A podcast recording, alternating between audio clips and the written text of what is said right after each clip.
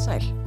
Um það leiti sem að Íslandingar pakka jólunum ofan í kassa og draga jólatrið undir húsveggi vonum að það guði á einhvern yfirnáttúrulegan máta upp, fagnar kristnir í austurvegi fæðungu frelsara síns. Jól flestra þeirra sem að tilheyra réttrunað kirkjum er í janúar.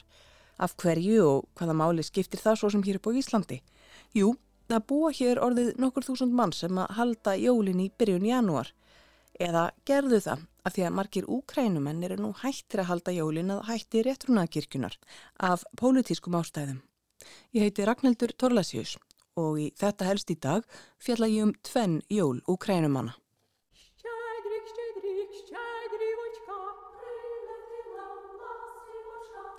Verkið sem við hlýðum á þekkjum við sem jólalægið söng kluknana eða kluknana köll eða á ennsku sem Karl of the Bells.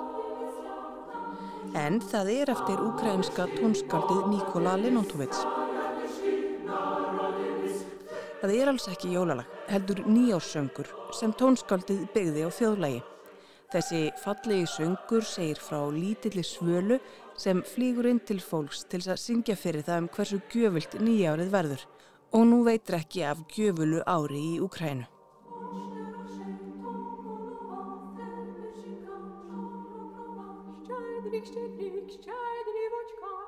En af hverju fagna kristnir menn fæðingu frelsara síns á mismunandi tímum?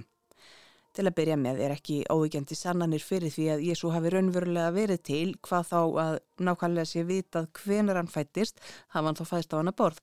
Þeir sem að eru á þeirri línu viljaðu þetta fagna fæðingu frelsara síns.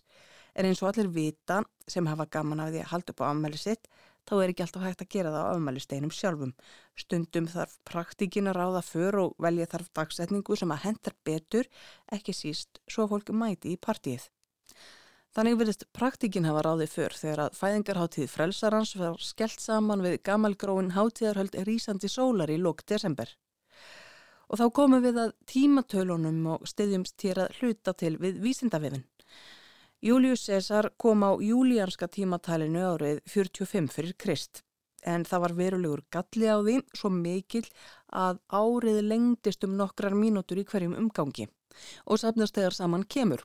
Þegar komin var margra daga skekkja í júlíanska tímatalið innleiti Gregorius Páfi nýtt tímatal. Það Gregoriska, það var á 16. öld. Gregoriska tímatalið var smám saman tekið upp en ekki hjá Östurkirkjunni sem meðar kirkjárið við júlíanska tímatalið. Jóladægur, 25. desember í því tímatali, rennur því ekki upp fyrir 7. janúar. Og hvað er þá Östurkirkjan? Ég var stutt og einfölduðu máli eftir að Rómarveldi klopnaði í fyrndinni fylgdi kirkjan á eftir og hún klopnaði í Rómversk kathólsku kirkjuna og Grísk kathólsku kirkjuna eða Orthodox kirkjuna sem útlegst um það byl kirkjuna með réttu kenninguna, réttrónaða kirkjuna. Og réttrónaða kirkjan er ráðandi í austurluta Evrópu, til dæmis í Úkrænu en ekki síst í Rúslandi þar sem hún hefur verið talin afar höllundir stjórnvöld. Þrjár réttrónaðar kirkjudeldir voru í Úkrænu til ársins 2018 eftir að rússar lögðu undir sig krímskagan ákvaðu tverðir að saminast og kljúfa sig frá rúsnesku réttrónaðakirkjunni sem þar hefðu áður fyllt. Og nú er svo komið að Úkrænumenn vilja sumir halda jólinn 25. desember samkvæmt gregoríska tímatælinu en aðrir Úkrænumenn vilja halda jólinn í janúar byrjun Nú er hvort tvekja gert og jólinn orðin að einhvers konar pólitískri yfirlýsingu.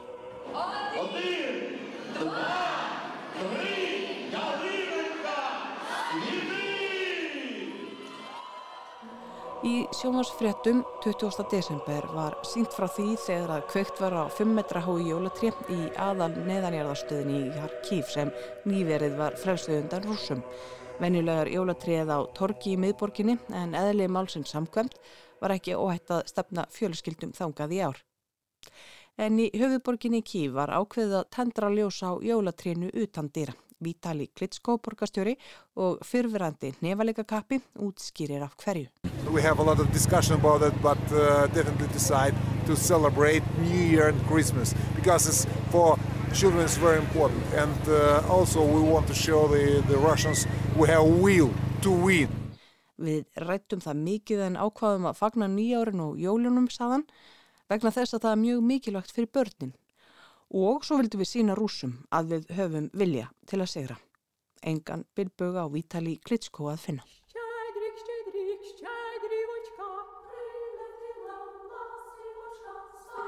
Um, ég heiti Sveitur Rónar Sigursson og ég er læknir um, en, en hef verið sagt, uh, með annan fótinn í Úgræni til 17 ára kom hann að fyrst 2005 uh, bara strax í kjöldfara á appisunugurubildingunni og hef verið hérna eiginlega mér að minna síðan og með uh, atvinnustarfseminni og fólki vinnu og, og hérna, hef svo landi heim að minnstakosti 34 á ári og, og hérna, stundum mjög oftar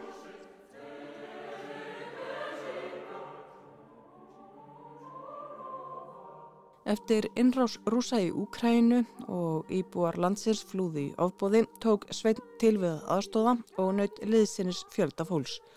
Upp úr því stopnaðan samtökin Flottafólk sem hafa svo rekið útlutunum viðstöði í Neskirkju, samfélagshúsið á Ablagranda og dagdvöl barna og foreldra í Áskirkju og Hátúni, auk mötuneyti sem starfrækt var lengi vel í Guðrunatúni.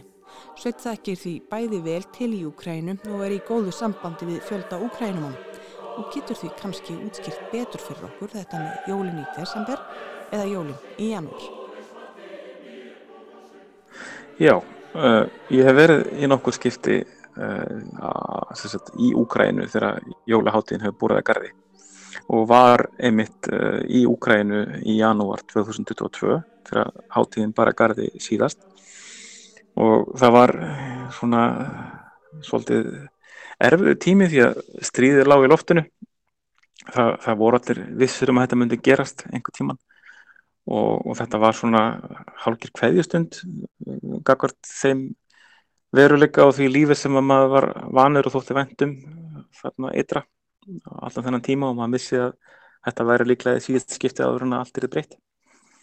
Og þessar hefðir eru í rauninni sko mjög formlegar og hátilegar en eiga rætur að rekja til rúsnesku rétturunarkirkjunar því að það er húnurinn sem að gera tilkall til sko, fullveldis í, yfir rétturuna í Úkrænu og, og það eru nokkrar austur rétturunarkirkjur í Evrópu sem hafa haldið áfram að nota þeirra tímatal, þetta, þetta júlíanska tímatal sem að eins og þú segir, ber þá upp 13 dögum síðar samkvæmt okkar dagatali eða 7. janúar og þetta eru svona gamaldagshefðir það er, það er hérna, áhersla á sko, hittinga þar sem að stórfölskyldan kemur saman sem að kannski hefur skroppuð svolítið saman hérna í hinu vestrana heimi sökum bara álags og anna en þarna hittast alltaf stórir fjölskylduhópar og allir koma með mat og borðin svigna og endalust löng ræðuhöld og, og skálar og maður fyrir að verka í, í sko,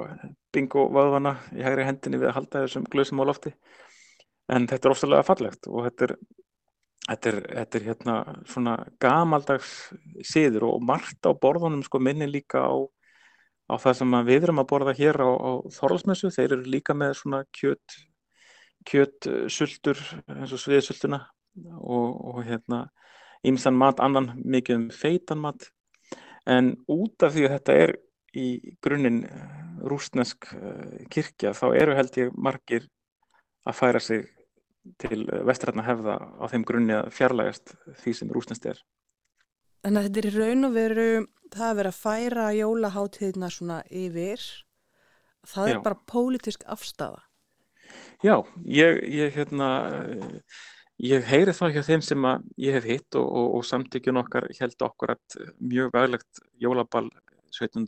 desember síðastliðin í samfélagshúsunni þeirra og þar fengu yfir 400 manns e, hangi kjött með rauðbeðum sem var svona okkar tvist ef maður sletta á, á svona okkar jólamanns útfarslu því að rauðbeðan er svona þetta helsta einihald í borssúpunni sem er svo þekkt í, í þessum fyrrum Sovjetlöndum og, og, og hérna og þá þegar vorum að ræða við fólk hvernig þau ætlaði að haga sínum sínum hátíðarhöldum þá voru langt flestir að halda upp á þetta á okkar tímatali og, og, hérna, og þeir fáið sem ég spurði sko, af hverju það væri, það var þá bara skýrt, það var vegna þess að þetta eru rúsneskar hefðir en ekki, ekki grunninn ukrainskar sem að valda því að fólk vil færa sig frá, frá þessum hefðum og yfir til okkar.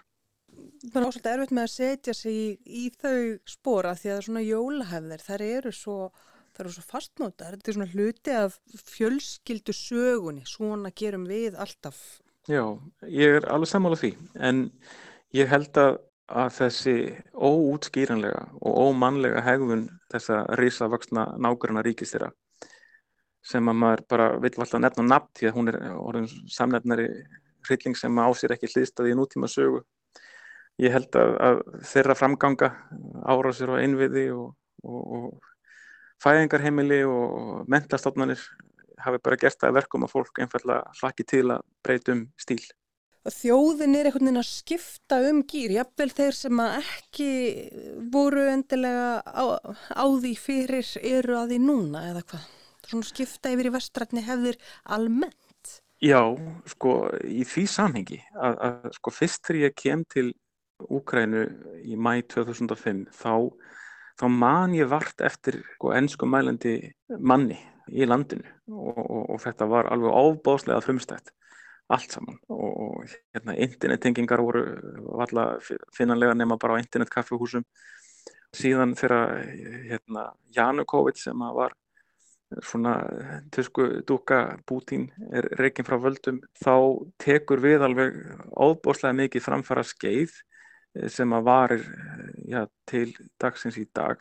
Þá, þá eh, breytist eh, sko einlega allt. Það hérna, verður mikil sko hérna nútímavæðing í hérna vegakerfinu internet.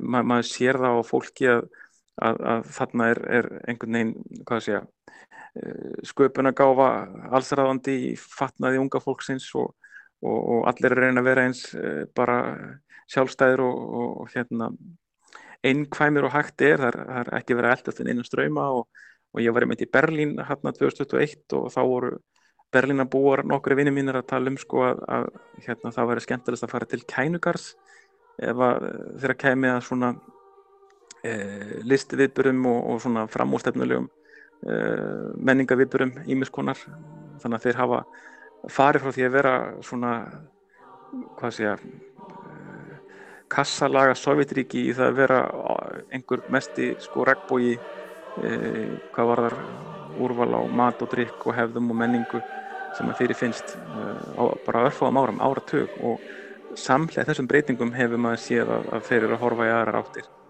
varandi ímsar hefðir sem að kannski áður töldust bara óhaganlegar og fastar í, í skóðum.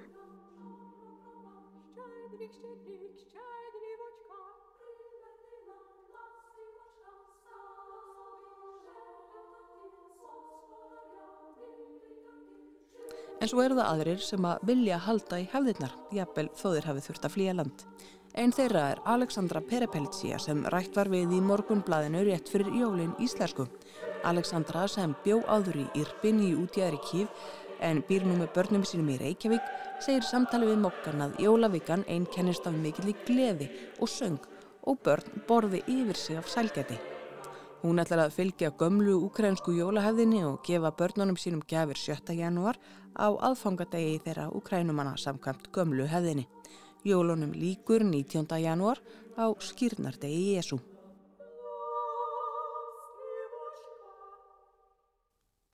Ég heiti Ragnhildur Torrasjús og fjallaði þetta helst í dag um jól úkrænumanna sem sumir halda í desember og aðrir nú á næstu dögum í janúar.